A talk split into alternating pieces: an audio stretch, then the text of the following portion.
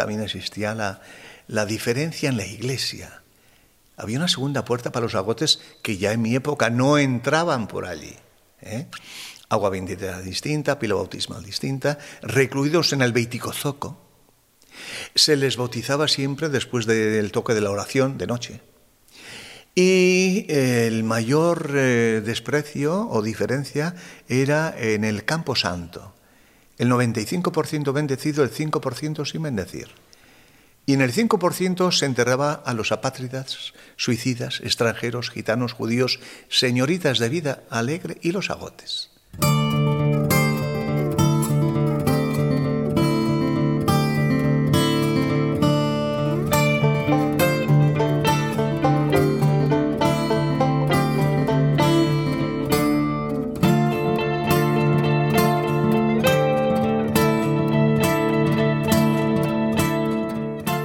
En Estamos Dentro, nuestro anfitrión nos recibe en un espacio polivalente que hace las veces de taller, museo, hogar, choco, pero sobre todo espacio de libertad y creación.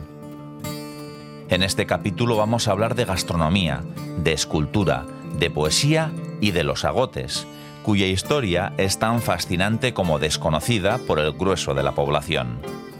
Porque si buscamos una comunidad perseguida y marginada durante siglos, no tenemos que irnos demasiado lejos, ni en el tiempo ni en el espacio.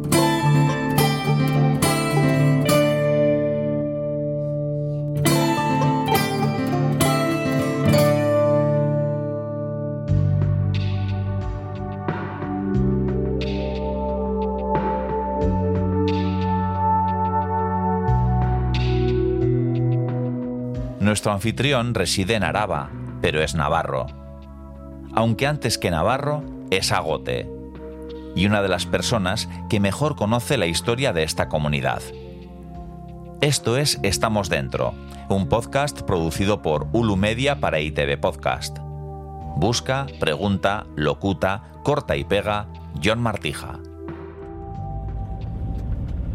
Sal de la rotonda en B2604. Ahora sí. ¿Ahora sí estás grabando? Sí. Bien. Entonces ahora podemos volver a repetir que me vas a utilizar como Sherpa para que te conduzca, para que te lleve la Ah, mochila. Como Sherpa no, que no vamos a subir ningún 8000. Ya, vale. Como asistente de producción Venga, asistente de producción, de acuerdo. y chofer. Y, y mozo.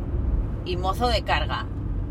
Y el catering no, que ese ya, Hombre, a eso me invitas. ya lo buscaremos. Oye, oye, qué monas las casas, verdad, ¿eh?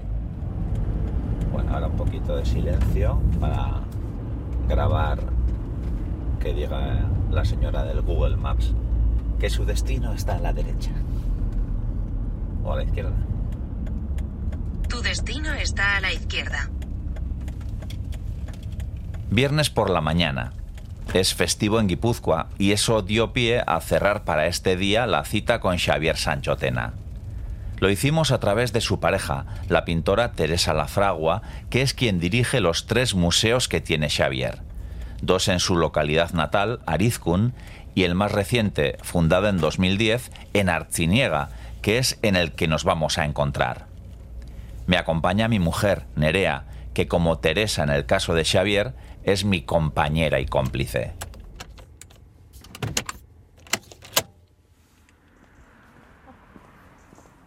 Buenas, buenos días. ¿Qué tal estamos? pues encantados. Bueno, además habéis venido con buen día. Teresa, Nerea. Hola, Teresa. ¿Qué tal? Encantada. Igualmente. Sí. Bueno, pues eh, ya estáis en el taller Museo Sanchotena. Ajá, uh, qué chulada. Vamos a darle un poco de luminosidad. Porque la diferencia de este museo es a nivel de País Vasco y a nivel nacional. Que tú te ves un, visitas un museo y luego tienes el privilegio de entrar en los talleres y dialogar con el escultor. Eso es Creo un que es lujo absoluto. Y eso Y es lo que nos nosotros dicen. vamos a charlar con el escultor largo y tendido que asoma por aquí. A ver, Xavier, Xavier, Egunon. ¿te has hecho de rogar o qué? Somos, Ondo, no se me arcó. Kaixo, això. Nerea. Nerea Plazerra, berdin.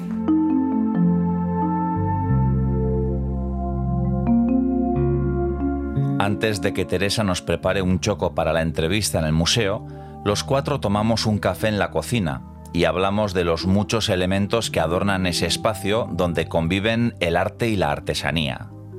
Hablamos también de otra pasión de Teresa, compartida por Xavier, los belenes. Coleccionan belenes de todo el mundo y realizan periódicamente exposiciones también en el propio Museo Sanchotena.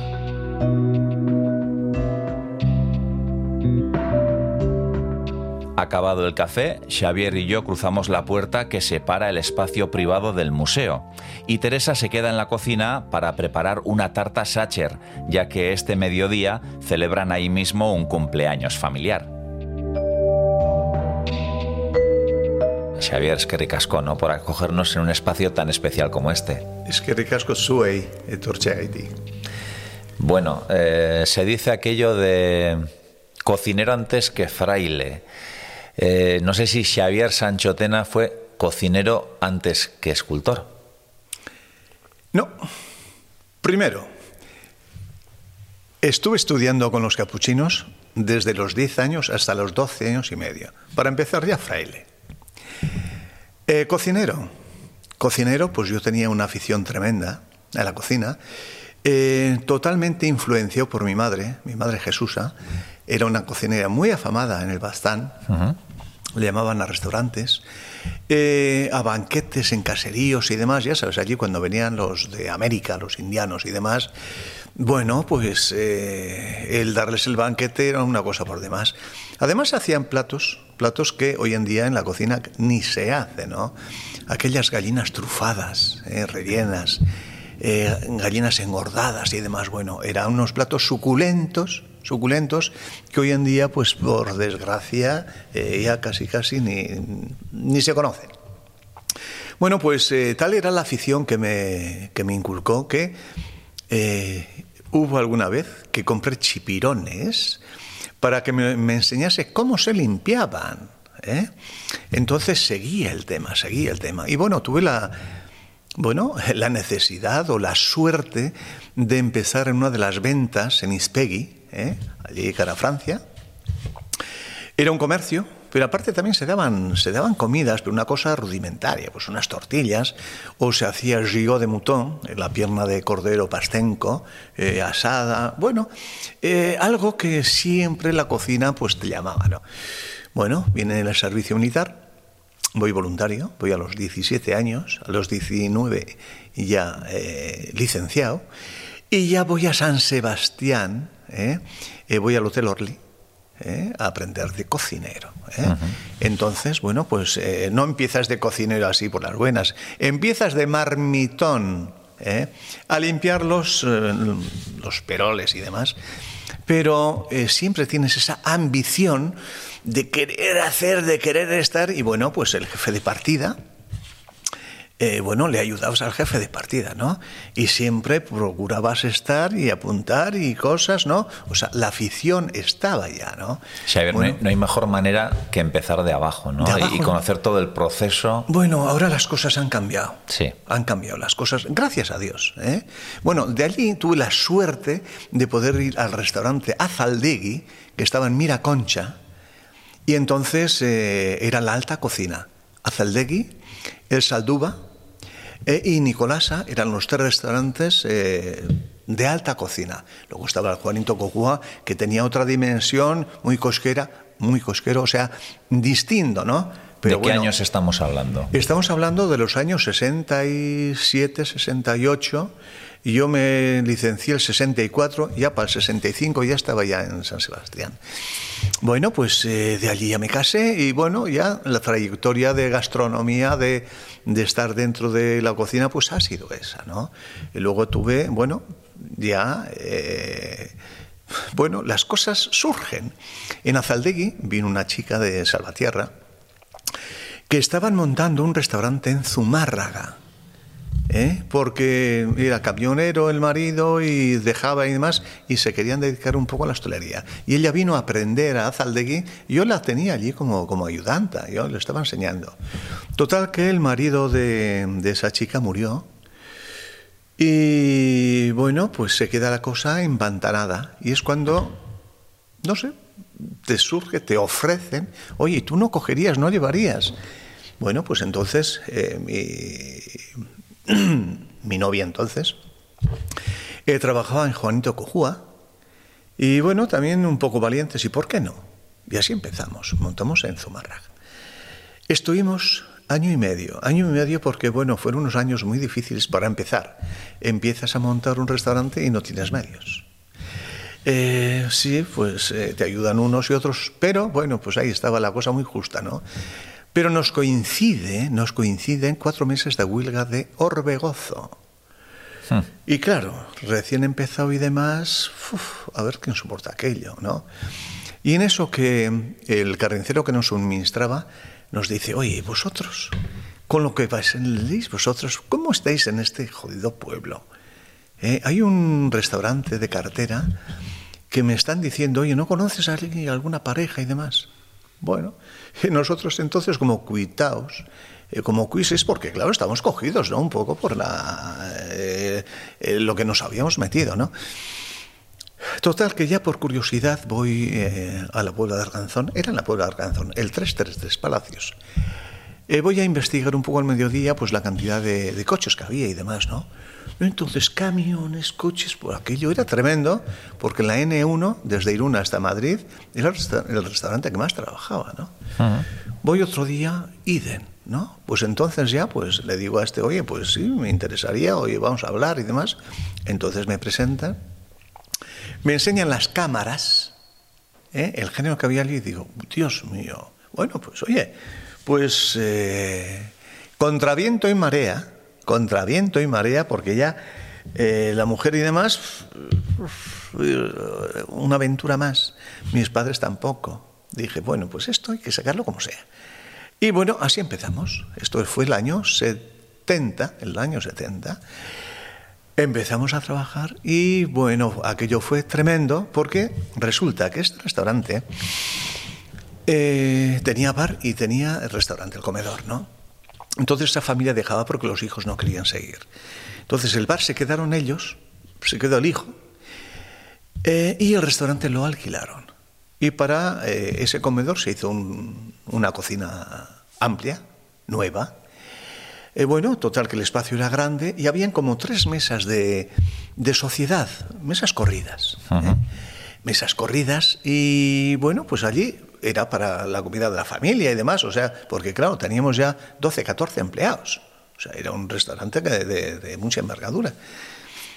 Total que la gente, según empieza a entrar y demás, eh, pues eh, basta que vengan dos veces, ya se te hace familiar, ¿no?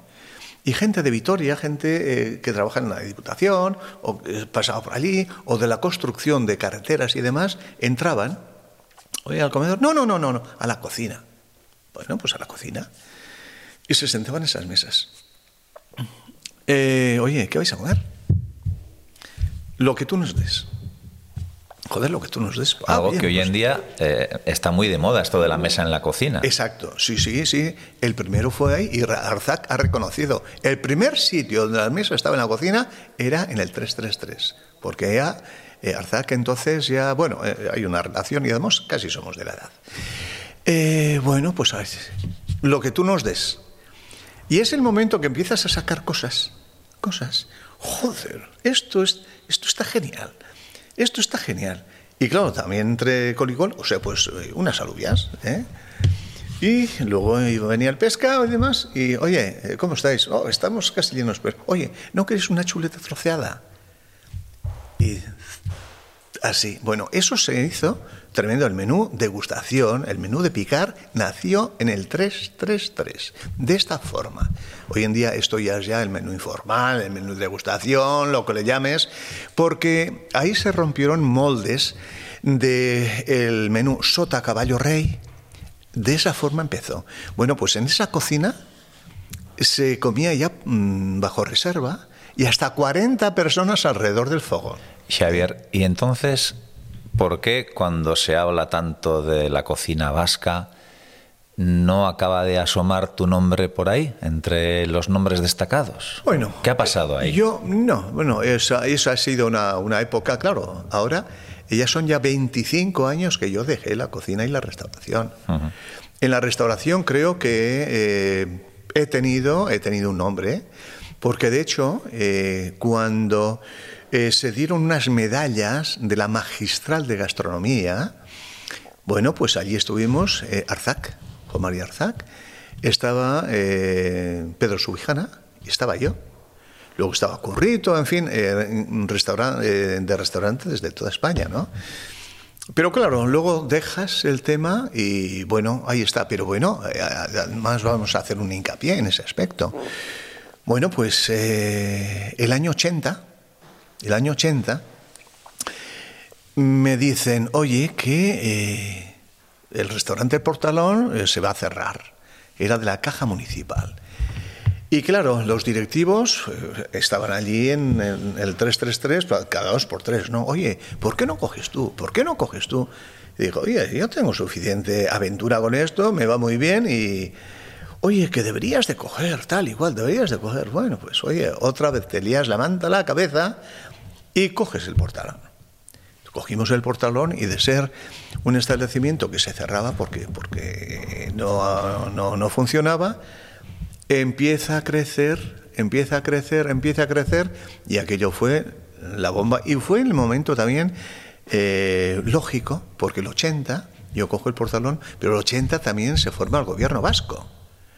Y entonces esa jurianea, ese, el Parlamento no existía, eh, los plenos se hacían en la Diputación, pues había que llevar eh, suministro, pues bocadillos y demás, cuando había planos y demás, llevábamos a la Diputación. Y luego en la jurianea tuvimos bueno, entonces estaba del Endagari eh, Carlos Gary Cochea, pues para cualquier evento, cualquier cosa, pues eh, íbamos nosotros a llevar la comida. Entonces fue un momento tremendo, más el gobierno vasco, eh, fue un boom, un boom de, movimiento en aquella época, el 80-82, ya los, los socialistas también, en fin, fue un momento tremendo, tremendo. Bueno, pues el, el portalón fue de los restaurantes más, eh, más distinguidos de, Vitoria. ¿Crees que, ¿Crees que hubiera tenido más proyección mm, histórica eh, si hubiera estado en Donosti, por ejemplo? No, no creo, no creo, porque en aquel momento no, histórica ya estaba el, el Nicolás, si quieres, ¿no? Lo que pasa es que el Portalón en ese aspecto también tenía un punto a favor muy importante. Una casa del siglo XV, que antes fue eh, una casa de postas. Eh, que se siga trabajando y que, en fin, las maderas crujan ¿eh? cuando sí, el, el edificio es espectacular. Es emocionante. Y aparte de eso te diré, pues, anécdotas tengo todas, porque con el Festival de Jazz, ¿eh? que nosotros éramos parte de la organización, si quieres, ¿no? Iñaki Añúa decía, tú eres de la organización porque cuando se hacen los contratos eh, de los artistas que vengan a, a Gasteiz. ¿eh? En aquella época, fíjate, Oscar Peterson, ¿eh? lo máximo en piano, en el jazz, ¿no? Ella Fitzgerald, Sarah Vaughan, bueno, han pasado por ahí las mayores personalidades. Entonces, eh, Oscar Peterson decía, yo quiero ir a Vitoria, pero quiero ir al viejo establo. Fíjate qué bonito, ¿no? Qué definición más bonita. Otra anécdota es con Sarah Vaughan. Sara Bogan, eh, bueno, pues esta llega a Biarritz a las dos de la tarde, dos y pico, y entonces los de la organización, eh, oye, todos, eh, claro, humildes porque, claro, exigían, los contratos eran unos contratos exigentes, una cosa por demás, ¿no? Si no llegamos, bueno, oye, te vamos a llevar a comer a algún sitio aquí y demás. Y Sara Bogan, no, no, no, no, no. Yo quiero ir a la casa esa antigua de Vitoria. Pues ese día Sara Bogan estuvo tres veces en el portalón. Al mediodía, antes de la actuación y después de la actuación. ¿eh? Entonces, eh, hay cosas eh, maravillosas. Oye, ahí estuvo también Bush, Bush padre, el presidente de los Estados Unidos, ¿no? Y la dedicatoria era, esta casa estaba antes del descubrimiento. Fíjate qué cosa más bonita el Dalai Lama, ¿eh? le servimos la comida en, en en fin, vivencias todas. ¿eh? Entonces, bueno, lo que pasa es que eh, mi, mi, vida en la época de, mm, de la cocina de la gastronomía, yo ya paré el año 97. Y entonces ya eh, me dedico totalmente a la escultura. Dejamos la gastronomía y nos adentramos en la historia de sus raíces, a través de las cuales descubrimos la persecución a la que fueron sometidos los agotes. ¿Que no sabéis quiénes eran o quiénes son los agotes? Nadie mejor que Xavier Sanchotena para explicárnoslo. Yo soy agote. Yo soy agote. Dicen que somos una raza maldita. Entonces, bueno, esto es, una, es un tema muy bonito y eso Hombre, lo lo de la raza maldita, mm, yo creo que te pone incluso. Sí, sí, sí, sí, me pone, y claro, me ha puesto de tal forma que dije, bueno, esto, no, este es un tema, bueno, en la línea materna, en la gastronomía sí, porque mi madre, las abuelas, bisabuelas, todas eran cocineras, eran mondongueras, parteras y cocineras. ¿eh? Entonces era una institución en casa. ¿eh? Entonces la cocina la hemos llevado la hemos llevado en la sangre.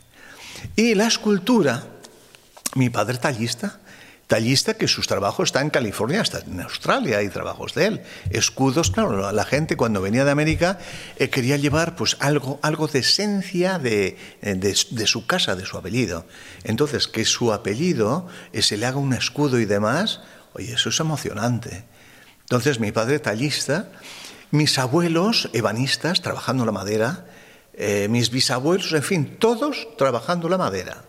Entonces, es emocionante porque mi abuelo materno, que era de Sant Esteban, era más agote que nadie.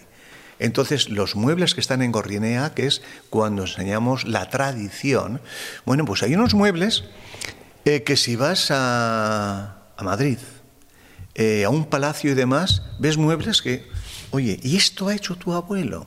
Es un lavabo, es un mueble, con un lavabo, con un, con un lavabo eh, redondo, que normalmente se solía echar el agua con una, con una jarra y luego se recogía abajo, ¿no? Pues bueno, tiene un depósito tapado con mármol, ¿eh? de zinc, con un grifo que es monomando, ¿Eh? es giratorio, es monomando. Eso y el, la espalda ¿eh? es, es un espejo. Amigo, esos muebles hechos por el abuelo, eso es algo emocionante desde el momento que entonces la maquinaria eh, era muy relativa y sobre todo había que trabajar a mano.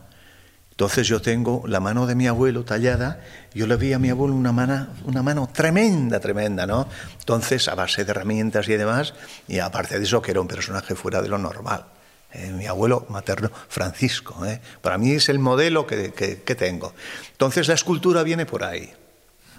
Y bueno, el tema de, eh, de la escultura y el museo y todo esto, yo veía de niño que había unas diferencias, unas diferencias sociales. Eh, los de Bozace, pues era gente humilde. Era gente que no tenía muchas tierras, tenía una dos vacas ¿eh? en aquella época, estoy hablando de los años 50 aproximadamente, 50, 55. Pero eran todos artesanos, trabajaban la construcción. ¿eh? Sin embargo, los del pueblo, los que tenían 8 o 10 vacas, eran los jaunchos. ¿eh? Claro, son los hidalgos, los hijodalgos, el que tiene casa y tierras. ¿no? Entonces había una, una, una diferencia. ¿no? Y aparte de eso, ya también existía la, la, diferencia en la iglesia. Había una segunda puerta para los agotes que ya en mi época no entraban por allí. ¿eh? Agua bendita distinta, pila bautismal distinta, recluidos en el Beiticozoco. Se les bautizaba siempre después del toque de la oración de noche. Y el mayor eh, desprecio o diferencia era en el Campo Santo el 95% bendecido, el 5% sin bendecir. Y en el 5% se enterraba a los apátridas, suicidas, extranjeros, gitanos, judíos, señoritas de vida alegre y los agotes. Entonces, claro, esas diferencias con el tiempo, muy marcadas, porque esas diferencias vienen ya desde 1213. ¿eh? Claro, que nos puede parecer algo del medievo, del medievo pero en el siglo XX sí. todavía, se, cuando tú eres niño, se percibía esa diferenciación. Sí, sí, bueno, de hecho, he tenido la suerte, en ese aspecto, la suerte de poder eh, tener unos recuerdos. El 54, el año mariano, es cuando en una eh, restauración de, de la iglesia, que el piso era de madera, eh, y ya lo pusieron ya de, baldosas y demás, y bueno, debajo estaban los... Eh, el enterramiento en tiempos era en la misma iglesia, ¿no? Cuando se sacaron todo eso. Y aparte de eso, la, la entrada, la puerta de los agotes, que era debajo de las escaleras que subían al coro, por la parte exterior de la iglesia, se tapió el año 54, y yo me acuerdo perfectamente de, de, de, esa puerta y cuándo se tapió. Esa puerta por la que solo entraban los, los agotes, agotes, y sí, tenían sí, que entrar por esa puerta. Exacto, era más baja, más estrecha, eh, tenían que bajar con la cerviz eh, doblada eh, como humillación. el agua bendita distinta, pila bautismal distinta, y bueno, esas diferencias a la hora de la comunión, por ejemplo, los últimos y se les daba el pan insertado en un palo porque se decía que éramos leprosos, hediondos, en fin, teníamos todas las virtudes ¿eh? que pueda tener una persona, ¿no? Eh, bueno, pues esas diferencias eh, con el tiempo se marcan, aunque el año mil, 1515, 1515, con el Papa León X, se hace una petición, se hace casi casi hasta una peregrinación de 200 personas de cinco diócesis, Aragón, eh, bueno, eh, Huesca, Jaca, eh, Pamplona, Bayona, Las Landas. se le pide al Papa, oiga, nosotros somos cristianos, pero estamos marginados de esta forma. Entonces el Papa manda una bula a través de la Catedral de Pamplona, diciendo, señores, estos son cristianos como todo el mundo, y no hay esa vejación, esa diferencia con ellos. ¿eh? Por lo tanto, la, hay, la, la unión, ¿eh? la igualdad, ¿no? Bueno, viene la bula, pero aquí el paisanaje es el paisanaje, se sigue exactamente igual. Y a la vez, 1515, porque es una, es una eh, diferencia social y religiosa. La religiosa es esa, pero la social es que a Carlos V le hacemos petición 1515 Oiga, Su Majestad, nosotros no pagamos impuestos, queremos pagar, pero queremos derecho y queremos igualdad.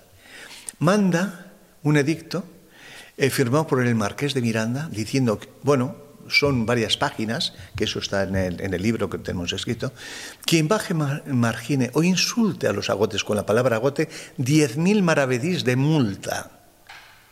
Viene el edicto, se ponen las puertas y demás, pero el paisanaje es el paisanaje. ¿Eh? Fíjate, pues esas diferencias. En Francia, que era exactamente igual, porque esto es a través, a raíz de la batalla de Muret en 1213, esto es en Occitania, Toulouse, ¿eh? cuando el Vaticano con el rey de París eh, es un, un, ejército, porque el catarismo estaba dominando, es un, el, el catarismo pues era para la iglesia una herejía, son los cristianos puros. ¿eh? Eh, y por parte de Occitania el ejército era Pedro II de Aragón, el rey de Aragón, con 28 años, eh, con el conde de Toulouse, que era su cuñado. Bueno, el ejército, el de Occitania, era muy superior, pero resulta que al frente del, del Vaticano y el rey de París, Luis IX, que con el tiempo es San Luis, ¿eh? santos y todos bajo sangre. O sea, eso es terrible en esta, en esta situación. ¿no? Bueno, pues eh, al frente venía Simón de Montfort, que este era un bretón eh, que había estado en las cruzadas y demás, una mala bestia. Le localizan a Pedro II de Aragón, que era un tipo muy alto, que se había cambiado la coraza con, un soldado, y lo mata. Y entonces ya matan al rey y el ejército la desbandada. Ya se apropian de, la zona. ¿eh? Entonces, en la desbandada ¿eh? Eh, se va porque eso es 1213. 1215 está Domingo de Guzmán predicando para traerlos al, redil, no había forma. La orden de los eh, dominicos se forma en 1215 y en 1229 les dan la venia de la Santa Inquisición. Entonces no queda títere con cabeza. En 100 años hay un millón de muertos se termina esa persecución cuando un perfecto, el perfecto es el, cátaro, el perfecto es el predicador. Allí con el catarismo no había ceremonias de iglesias y demás. Eh, bueno, eh, Guillén de Bilibaste lo localizan en Barcelona, por con argucias y engaños lo llevan a Carcassonne, allí eh, lo torturan y lo queman. Y ahí se termina un poco la persecución, pero en 100 años ha sido terrible. Entonces toda la gente ha salido a la, a la desbandada porque, sobre todo los agotes, somos un colectivo de la construcción de la madera de la madera. Entonces se llega hasta Bayona, las Landas, se sube, a- se sube hasta Bretaña, Borgoña, Champaña y Alvear. En toda esa zona hay agotes. ¿eh? Y por la parte española, porque claro, el sueño de un colectivo de la construcción de la madera, sobre todo, es el trabajar en el Camino de Santiago.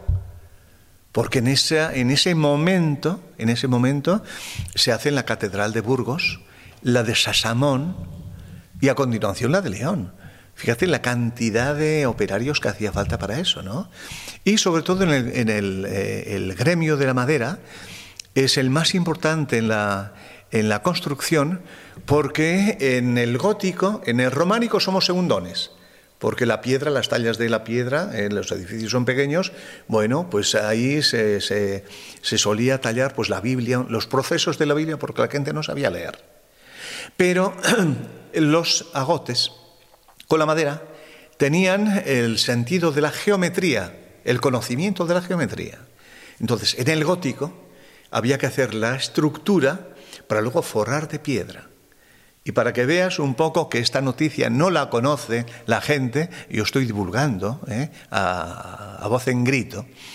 Bueno, eh, mil- de 1200, de 1150 a 1200, se, eh, se construyen ocho catedrales alrededor de, París, de París. Chartres, Notre Dame de París, eh, Amiens, Reims, bueno, las ocho, ¿no? Qué casualidad. El año 19 vimos cómo ardía Notre Dame de París, ¿verdad? Sí. Pues entonces eh, resulta que el techo es de piedra y del techo al gallur, al, al tejado, es una estructura de madera emocionante, se llama el bosque. Eso es lo que se quemó. Eso se construyó con los agotes del Bearne. Fíjate tú qué casualidad, cómo son las cosas, ¿no? Y somos una raza maldita. Somos una raza maldita porque tenemos en la tara de, de la herejía. Dos herejías. Ahora harán falta agotes para esa reconstrucción, lo que no sé si quedan artesanos de la madera capaces de hacer eso. En Francia sí. En Francia, aunque no sean agotes, eh, hay un gremio importantísimo, el Compagnon du Tour de France. Es un colectivo especializados en la madera y cualquier reparación de iglesias, catedrales o castillos y demás, bueno, es un, un sindicato, pero bueno, es un colectivo importantísimo, con sus carnés. ¿eh? O sea, porque claro, eh, para ser oficial, eh, un agote en aquella época, hacía falta estar 15 años de aprendiz. 15 años de aprendiz. Y a, continu a continuación se le daba el título, bueno, se le daba la categoría esa. Entonces los agotes, fíjate, aquí desprestigiados, somos la escoria del mundo. Y sin embargo, la, la, la, la, historia es maravillosa, es fantástica. Y entonces esto es un poco lo que a nivel de, de los museos de, de Bozate damos a conocer a la gente. Uh -huh. Y bueno, eh, se está expandiendo porque empezamos hace 25 años y bueno, pues hace cosa de un mes, por ejemplo, en La Vanguardia, en la edición digital, vino todo un, un, escrito que salía el tema de Bozate, salían los museos, sabía Xavier Sancho, sabían todo, no sé quién fue el periodista, o sea, porque a mí no sé si me grabaron, o bueno, total, sobre, sobre los agotes ahora hay bastante divulgación y hay mucha curiosidad. Es, es llamativo, porque la historia lo es, pero es llamativo también bueno, en euskera se dice aquello de Herri chiqui, inferno andi, ¿no? Pueblo pequeño, sí. infierno grande. Sí. Y claro, el, el, pueblo pequeño podía ser Arizkun, sí. el infierno grande Bozate, ¿no? Con la marginación de los agotes que tenían que vivir, vivir. en ese barrio. Pero es llamativo que, que una historia tan potente, tan terrible, pero a su vez tan potente como esa, ¿cómo se ha querido silenciar u olvidar? Sí, sí, sí, se ha querido olvidar eh, por vergüenza. Por vergüenza, mira, cuanto menos se hable de esto, mejor. Pero tú hace idea eh, que esto en Francia desaparece, más o menos, con la Revolución Francesa, Liberté, Égalité y Fraternité, 1789. Ya la igualdad, ¿no? Más o menos, aunque también hubo sus, sus diferencias, porque en Arcánges, donde está enterrado Luis Mariano, eh, bueno, pues hay se solivianta, y en Biarritz también. Y en Biarritz también, y de hecho, eh, el obispo de la diócesis fue a Biarritz, eh, porque claro, los agotes tenían que entrar por la puerta, y siempre pues había un despecho referente a ellos, y este obispo se le ocurre, bueno, como es un día de procesión, voy a salir por la puerta de los agotes y todos los feligreses tuvieron que pasar por la puerta de los agotes. ¿no? Entonces, bueno, eso es un poco eh, un tema muy bonito referente a la iglesia a, los agotes. Eh, yo de niño, vivencias de niño, porque nosotros, claro, eh, yo nací en Arizcun, pero todas las tierras estaban de Gorrinea, estaban en Bozate, ¿no? Entonces con las, con las vacas teníamos que ir a los prados, a Bozate, teníamos mucha más relación con Bozate que con Arizcun, ¿no? Eh, la gente, yo recuerdo a la gente, a, señoras mayores, la concisión de Esponda, eh, con el burro, con el Viscarardi, llevando el fiemo pues a, la pieza, ¿no? Cantando, cantando, o sea, había una alegría, hay una solidaridad tremenda. Chistulares atabalaris, los más importantes, los de Gozate, ¿eh? y acordeonistas. A, a todos los festejos, hasta San Fermín, se les llevaba a los músicos de, Bozate. pero los de Bozate no podían bailar en la plaza de Arizcun o las chicas de Arizcun se les prohibía y siempre había leña de por medio. Entonces también se da el caso que los de Bozate, en una soca danza, soca danza, desde Bozate hasta la plaza de Arizcun, que hay kilómetro y pico, ¿eh? van bailando la eh, soca danza, dan la vuelta a la plaza, siendo fiestas y demás, y otra vez a Bozate. Entonces eso es emocionante. Y sobre todo el agarrao, por ejemplo, el agarrao, donde se empezó a liberar el tema del agarrao fue en Bozate. Porque eh, músicos de Bozate y algunos de Lizondo, Ciaurez y Olondriz, los domingos a la tarde había un baile en la plaza donde Damuñenea, Machipenea, o sea, una placita, que había un hueco en la pared y había una botella de vino con un vaso para los músicos. Claro, tener entonces vino pues era, era un lujo, ¿no? Bueno, pues ahí se empezaba a bailar. Y como se tocaba ya el, eh, clarinete, más el acordeón y demás, se empezó a bailar el al agarrao Xavier, ¿cómo nos van a tener por herejes eh, bailando agarrado en aquella época? pues sí, Es, precioso, ¿no? Entonces, eh, son vivencias, vivencias que estás descubriendo con el tiempo.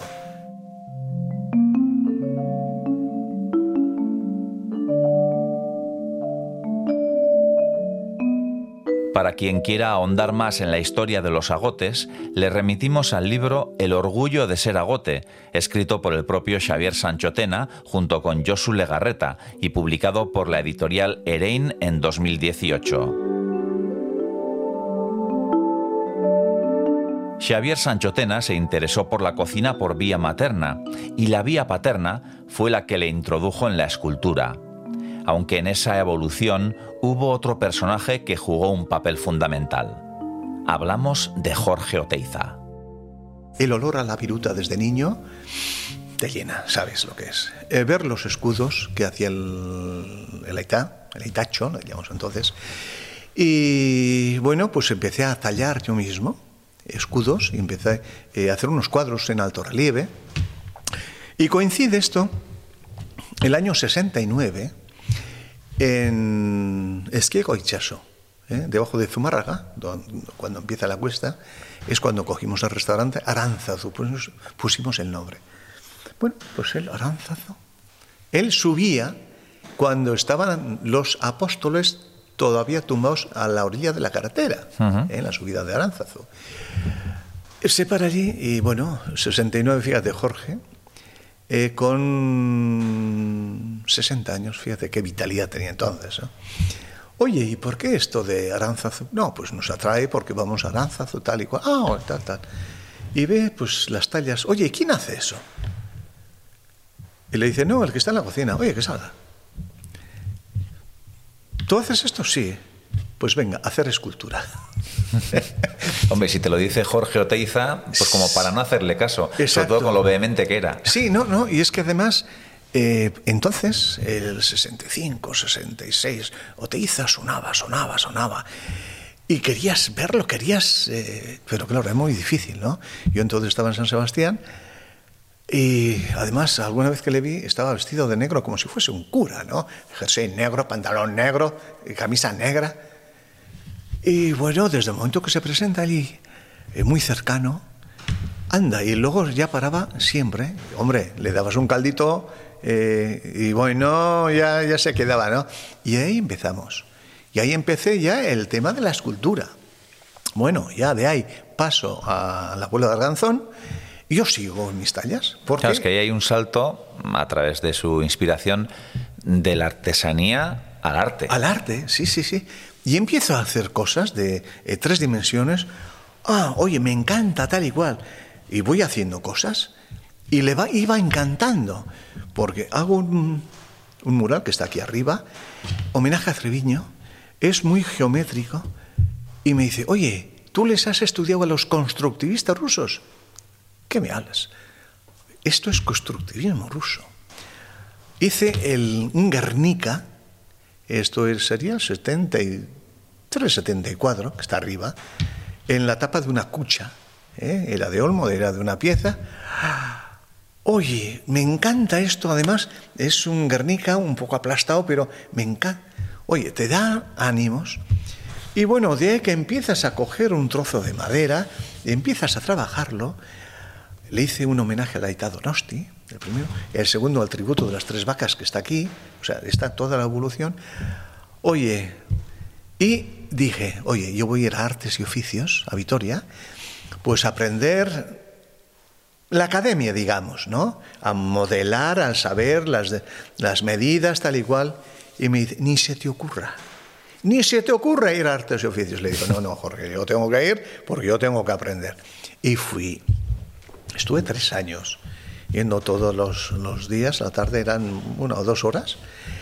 Y claro, ahí aprendes eh, Claro, lo esto- clásico y demás. Esto lo compaginabas con, Con, la- sí. el oficio, con Sí, el trabajo. to- Totalmente. Con la restauración. Ya el- la cocina, si la dejabas a las eh, tres y media, cuatro de la tarde, pues de 5 a 7, pues tenías libre. Entonces me iba a Vitoria, Artes y Oficios, eh, iba, iba, eh, iba a hacer mis, mis estudios, digamos, ¿no?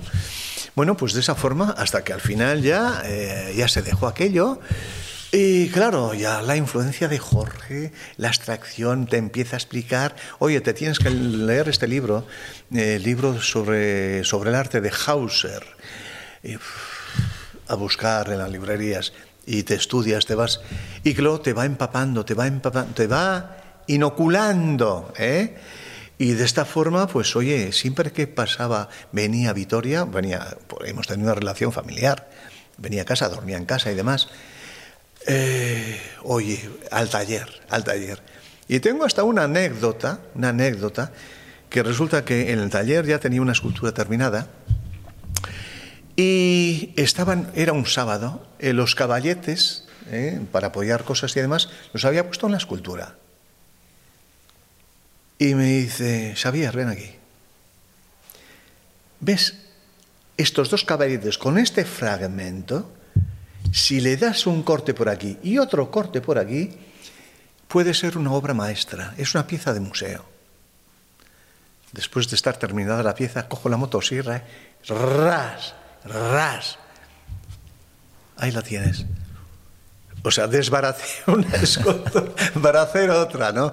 Pero claro, esos son, eh, son lecciones impresionantes. Eh, yo he tenido pues una, una universidad con Jorge, porque en, todos, en todas las esculturas al, él ha intervenido, me encanta. Me encanta, pero oye, aquí el plano no se refleja, eh, tiene que estar el plano en el otro lado, tal. Eso es emocionante, el tener así una persona como Teiza. Y luego también son las circunstancias, o sea, es la época que he podido vivir. Porque en la Puebla, por ejemplo, en ese momento habían eh, artistas y demás que venían a Vitoria eh, para dar alguna conferencia, alguna cosa. Y entre ellos eh, uno, José Guerrero, un pintor granadino que vivía en Nueva York, y estaba tallando una pieza. ¡Uy, chaval! Me encanta esta pieza. Sigue así. O sea, son alicientes que te, aportan. Otra, otra de, las, de las veces coincidió con Chillida. Chillida y Santiago Amón, un crítico que no veas de quién era, ¿no? Eh, total, que habían estado en Vitoria y vinieron a cenar a, a Palacios, al 333, al restaurante. Y en eso que eh, estaba la puerta abierta, pues al lado de la cocina tenía casi casi el taller, ¿no? Y estaba eh, modelando, había modelado ya, lo tenía en escayola a Xavier, que lo tengo aquí arriba, la escayola esa, y Chilida y Santiago. Oye, fíjate qué cosa más bonita. Es como si fuese el mannequin piece comiéndose un polo. Era el hijo segundo, eh, bueno, que tendría pues, año y medio, estaba con un polo desnudo, desnudito, le hice una foto y le hice el tema ese. Bueno, eh, quien dice eso, eh, otros artistas, he tenido la gran suerte, no recuerdo, espera, Roberto Mata, Roberto Mata, y esto es muy importante, en el portalón ya, esto en el portalón, resulta que hay una exposición de Roberto Mata, este es un pintor importantísimo, mundialmente conocido, y viene a la exposición, y en eso que le están enseñando el casco de Vitoria, este es chileno, era chileno, ¿eh? Eh, murió ya hace, bastante. Y en eso que le dicen, mira, esta es la casa más antigua de Vitoria, abren la puerta y se encuentran que allí abajo tenía esculturas. Y dice, ¡ay, pa! ¿Y esto? Pues las hace el cocinero. ¿Qué las hace el cocinero? Bueno, ya se quedó. Eh, empezamos a hablar. Me hacen venir, eh, empezamos a hablar. Y estaba emocionado el hombre. Total, Roberto Mata Echaurren. Total, que se ve la exposición, se hace la exposición, se inaugura y luego se vienen a cenar al, al portalón. Y en eso que cuando viene Roberto Mata, enseguida quiere hablar conmigo. Y entonces le enseñó las esculturas que tenía en el piso de arriba. ¿eh? Y estaba maravillado. Pero esto, y se sentaba en la escultura y me decía, mira, esto, esto es un poema. Se sentaba en la escultura, esto es un poema. Bueno, yo por entonces tenía ganas de escribir, pero no, me faltaba ese, ese empuje. Bueno, es total que se quedó, oye, la gente ya tuvo que subir a, de, oiga, que la hora de, cenar. Bueno, pero esas circunstancias son maravillosas, ¿no? Maravillosas. ¿Qué es lo que te da la madera? Bueno, la madera es algo especial. Para empezar, la madera es un ser vivo. Es un ser vivo.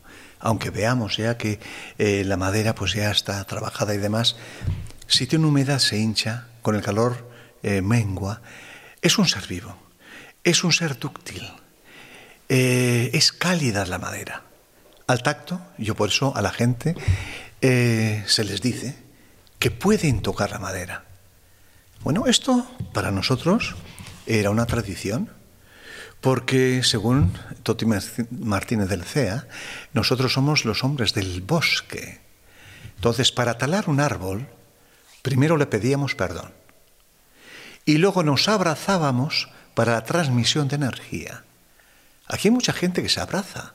¿eh? Y en el parque, cuando les hago las visitas guiadas y nada, la gente se abraza a la madera, o sea, al tronco. ¿eh? Es algo especial. Entonces la madera es una transmisora.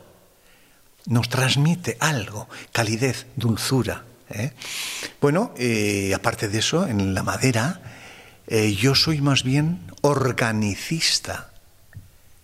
Organicista es el que con la forma de la madera y demás eh, tienes una lucha, haces un pulso. La madera te dice, esto es tan rico que ni tocarlo. Y yo le digo, yo aquí le voy a dar un corte, o voy a hacer un plano, o voy a hacer un hueco. ¿eh? Entonces es un pulso. Entonces la madera mm, para mí es algo muy especial, muy nuestro, ¿eh? de los agotes, muy nuestro. Otros materiales, el hierro, la piedra y demás. La piedra no trabajo porque me afectan los, los pulmones, pero eh, la madera, aunque hace serrín, ya con una máscara te defiendes. Es distinto, entonces para mí la madera me dice todo, todo.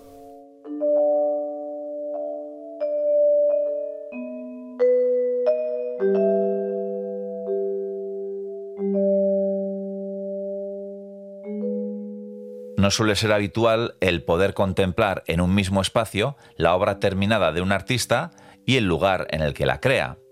Pero el Museo Taller Xavier Sanchotena en Arciniega nos brinda esa posibilidad y no dejamos escapar la oportunidad de que el propio Xavier nos explique cómo es su proceso creativo. Este es el taller y bueno, aquí siempre hay dos, tres piezas a la vez. Y bueno, esta es una de las eh, promujeres del país. Ella tiene una colección creo que son 10 las que están ahí desde Catalina de Auso. Y aquí le tenemos a la, a la mitóloga, sabia, escritora, Toti Martínez de Lecea. Ajá, o sea que aquí estamos viendo una escultura sí, dedicada a Toti Martínez de Lecea, Exacto. que ella no habrá visto. ¿O sí? En verte sí, porque ah, yo le quería hacer, no, eh, tenemos relación y suele venir y demás.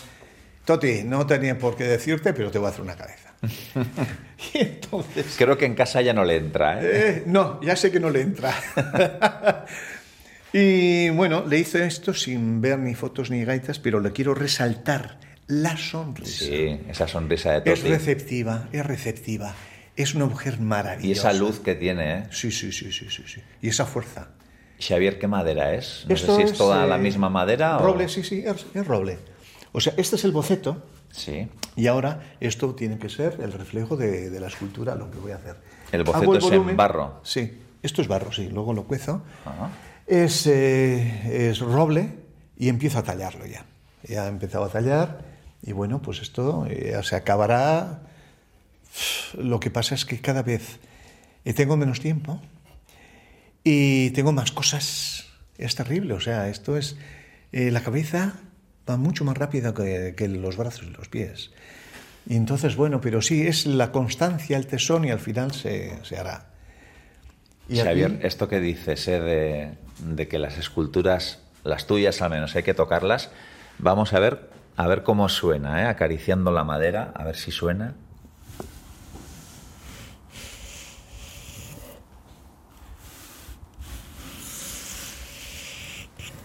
Bueno, esto suena. esto suena, pero suena, pero esto está, está en bruto todavía. Sin pulir todavía. Sin pulir. Eh, pero sonar, sonar, salvo que le des, es difícil. además, cada madera tiene su sonido, ¿eh? es distinto, ¿no? Y bueno, pues eh, normalmente, normalmente, lunes, martes, miércoles trabajo la madera.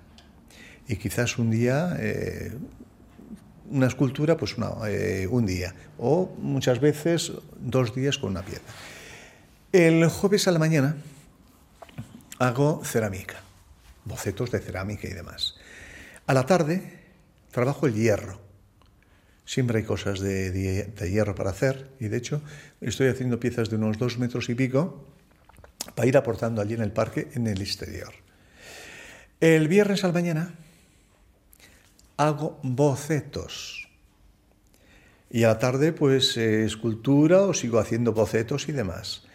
Y sigue la marcha. O sea, esto es el no parar. El no parar. Bueno.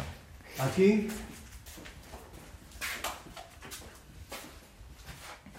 Aquí las maquetas. El laboratorio. El laboratorio de maquetas. Bueno, arriba las vitrinas están llenas. Porque los días son ya de obras y demás. Pero el concepto de la obra y demás es, es aquí. Y esto, claro, esto les enseñas a la gente y claro, eh, se, vuelven, se vuelven escultoras. O sea, estas piezas, aquí tengo los patrones, esto es de Polispan. Sí. Y las he insertado de esta forma que estas piezas tienen las mismas piezas, aquí son tres, pero pueden ser doce o las que quieras, eh, están macladas de, de, diferente forma y luego coges la que más te seduce, ¿no? Pues esto es un poco el proceso de, de la escultura. Pues maravilla. Ya veis. Y aquí pues hacemos los talleres con los chavales. Y muchas veces, fíjate, lo que son las cosas, la escultura muchas veces piensas y repienses y... Esta pieza, esta pieza, estaba así. Eran recortes de la sierra y yo no sé cómo estaban así. Y digo, joder, pero si esto es una escultura impresionante. Y entonces ya le, la hice fija, pero mires por donde mires, la escultura tiene vida porque no solamente es de una forma, sino que adquiere vida de cualquier, de cualquier forma. Esto es escultura. ¿Quién ha hecho eso? Se ha hecho ella misma. Lo, lo importante ha sido verla, ponerle el ojo a la escultura.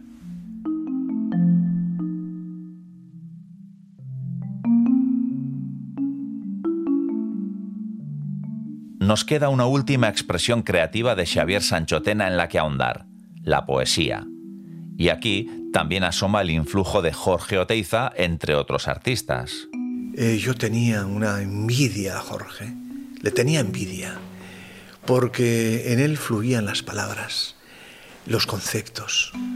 Bueno, y además eh, él ha tratado precisamente con, con poetas, con César Manrique, con César Manrique, el peruano. De hecho, en Lima tiene una escultura homenaje a César Manrique en una, una placita. Claro, César Manrique, muy abstracto, potentísimo, eh, tuvo relación con eh, Vicente Huidobro, poeta eh, chileno, y bueno, picasiano de la época de, de, Picasso, este se desplazó a París en un barco con la vaca para que diese leche a sus niños que venían en el barco. Era gente de, de altos niveles, ¿no? Pero Jorge es un poeta impresionante. Jorge cuando escribe es algo, algo tremendo. Eh, todavía no se ha sacado un poco la poesía y su concepto, pero bueno, eso es así. Y entonces Jorge me decía en todas las esculturas, Xavier, ¿por qué no escribes? Si esto es poesía, si esto es poesía. Bueno, y te va metiendo las gomas, ¿no? Y luego me coincide el tema de Roberto Mata. Y David, esto es poesía. Escribe que esto es poesía. Bueno, en eso que eh, hace 26 años, el día Nochebuena, eh, se mata un sobrino mío en un accidente de automóvil. Con 22 años tú me dirás lo que es eso, ¿no? Eso es terrible, ¿no? Y estamos allí analizando y al día siguiente estás rabioso porque, oye, esa impotencia y esa es un tema tan ilógico. Cojo el coche y me voy a, al monte y cojo papel y lápiz y empiezo a escribir. Y con esa rabia contenida, pues fluía, fluía, fluía. Y digo, joder, pues esto lo voy a leer hoy en el en los funerales. Y total que, bueno, le digo al cura, oye, voy a leer esto, a ver, enséñame. Y bueno, bueno, pues no fuese alguna cosa que no le, le gustase. Claro. Y empiezo, el ángel de la guarda se, du se durmió. Sigue así todo el poema. Lo recité con tal rabia y con tal fuerza Dios, que desde entonces, ¿eh? bueno, entonces, una época, llevo una época bastante inactiva en ese aspecto, porque no tengo tiempo. Todos los días me escribí un poema. Tengo para hacer 10 libros, ¿eh? Son carpetas de 100 poemas. Escritos ya, están ahí eh, aparcados. Y cada, cada escultura me sugiere pues un poema. Cualquier, cualquier tema es sugerente, es emocionante. Entonces, eh, yo en las mañanas el primer trabajo que hago es andar cinco kilómetros. Voy al monte y entonces vas con la mente limpia, eh, despejada, y eh, el argumento que quieras lo puedes, lo puedes pulir. Eh, entonces eh, te, da, te da campo para, para la poesía. Y bueno, pues ese es un poco el inicio de, de la poesía. Y cuando escribía el poema se lo mandaba por fax a, a Jorge. Y yo, ah, sigue, sigue, que este es buenísimo. Tal.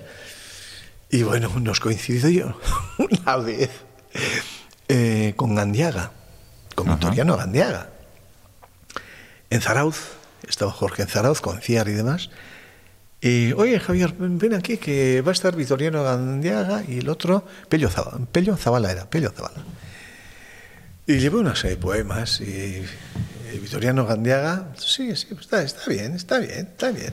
Y así se quedó la cosa, ¿no? Y de hecho le tengo hecho un homenaje a Victoriano Gandiaga, porque Victoriano Gandiaga cuando celebraba misa era un místico, no tenía voz. Pero cuando recitaba un poema era como un trueno, era terrible. Bueno, es un poeta impresionante. Entonces he tenido esa suerte de, de haber eh, re- reactivado ese tema. Y bueno, cuando ya empiece a relajarme, eh, quiero empezar otra vez a, a seguir esa, esa dinámica de, de la poesía. Y bueno, cuantos más conocimientos tienes y demás, en ese aspecto, pues más puedes. Y no es una poesía tampoco facilona, ni. Es más bien un poco abstracta y demás, y bueno, pues. eh, ahí estamos. Bueno, pues nosotros desde luego no te vamos a robar más tiempo porque hemos intentado, ¿no? En esta charla con Xavier Sanchotena contar tantas cosas, eh, siglos de persecución a los agotes, décadas de creatividad, ya sea en la cocina, ya sea en el arte de Xavier Sanchotena. Y ha sido un placer, ¿no? El poder hacerlo en un espacio tan especial como este, ¿no? Rodeados de arte, pudiendo ver esa creatividad y palparla, tal y como invitas a todo aquel, a toda aquella que visita tu museo taller en Artziniega. Xavier Sanchotena, eskerrik asko eta segi horretan. Mila esker benetan.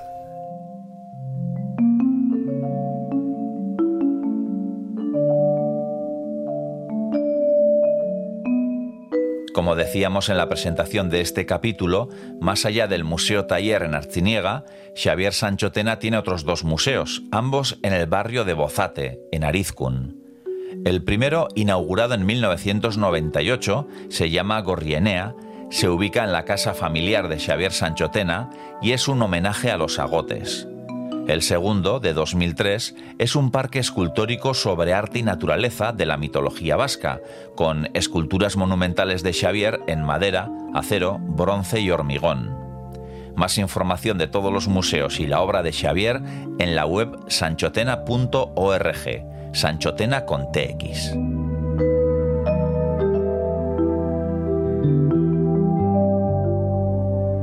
En la presentación también hemos comentado la intención de Teresa de hacer una tarta Sacher, pero se le echó el tiempo encima y acabó haciendo una tarta de chocolate del Mississippi, con la que triunfó.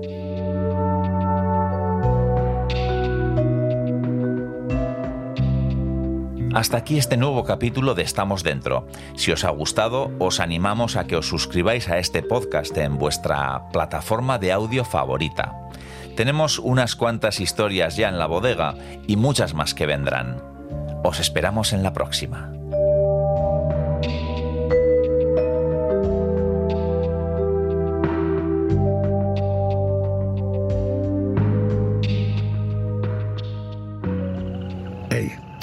Entzun hori. Ulu Media.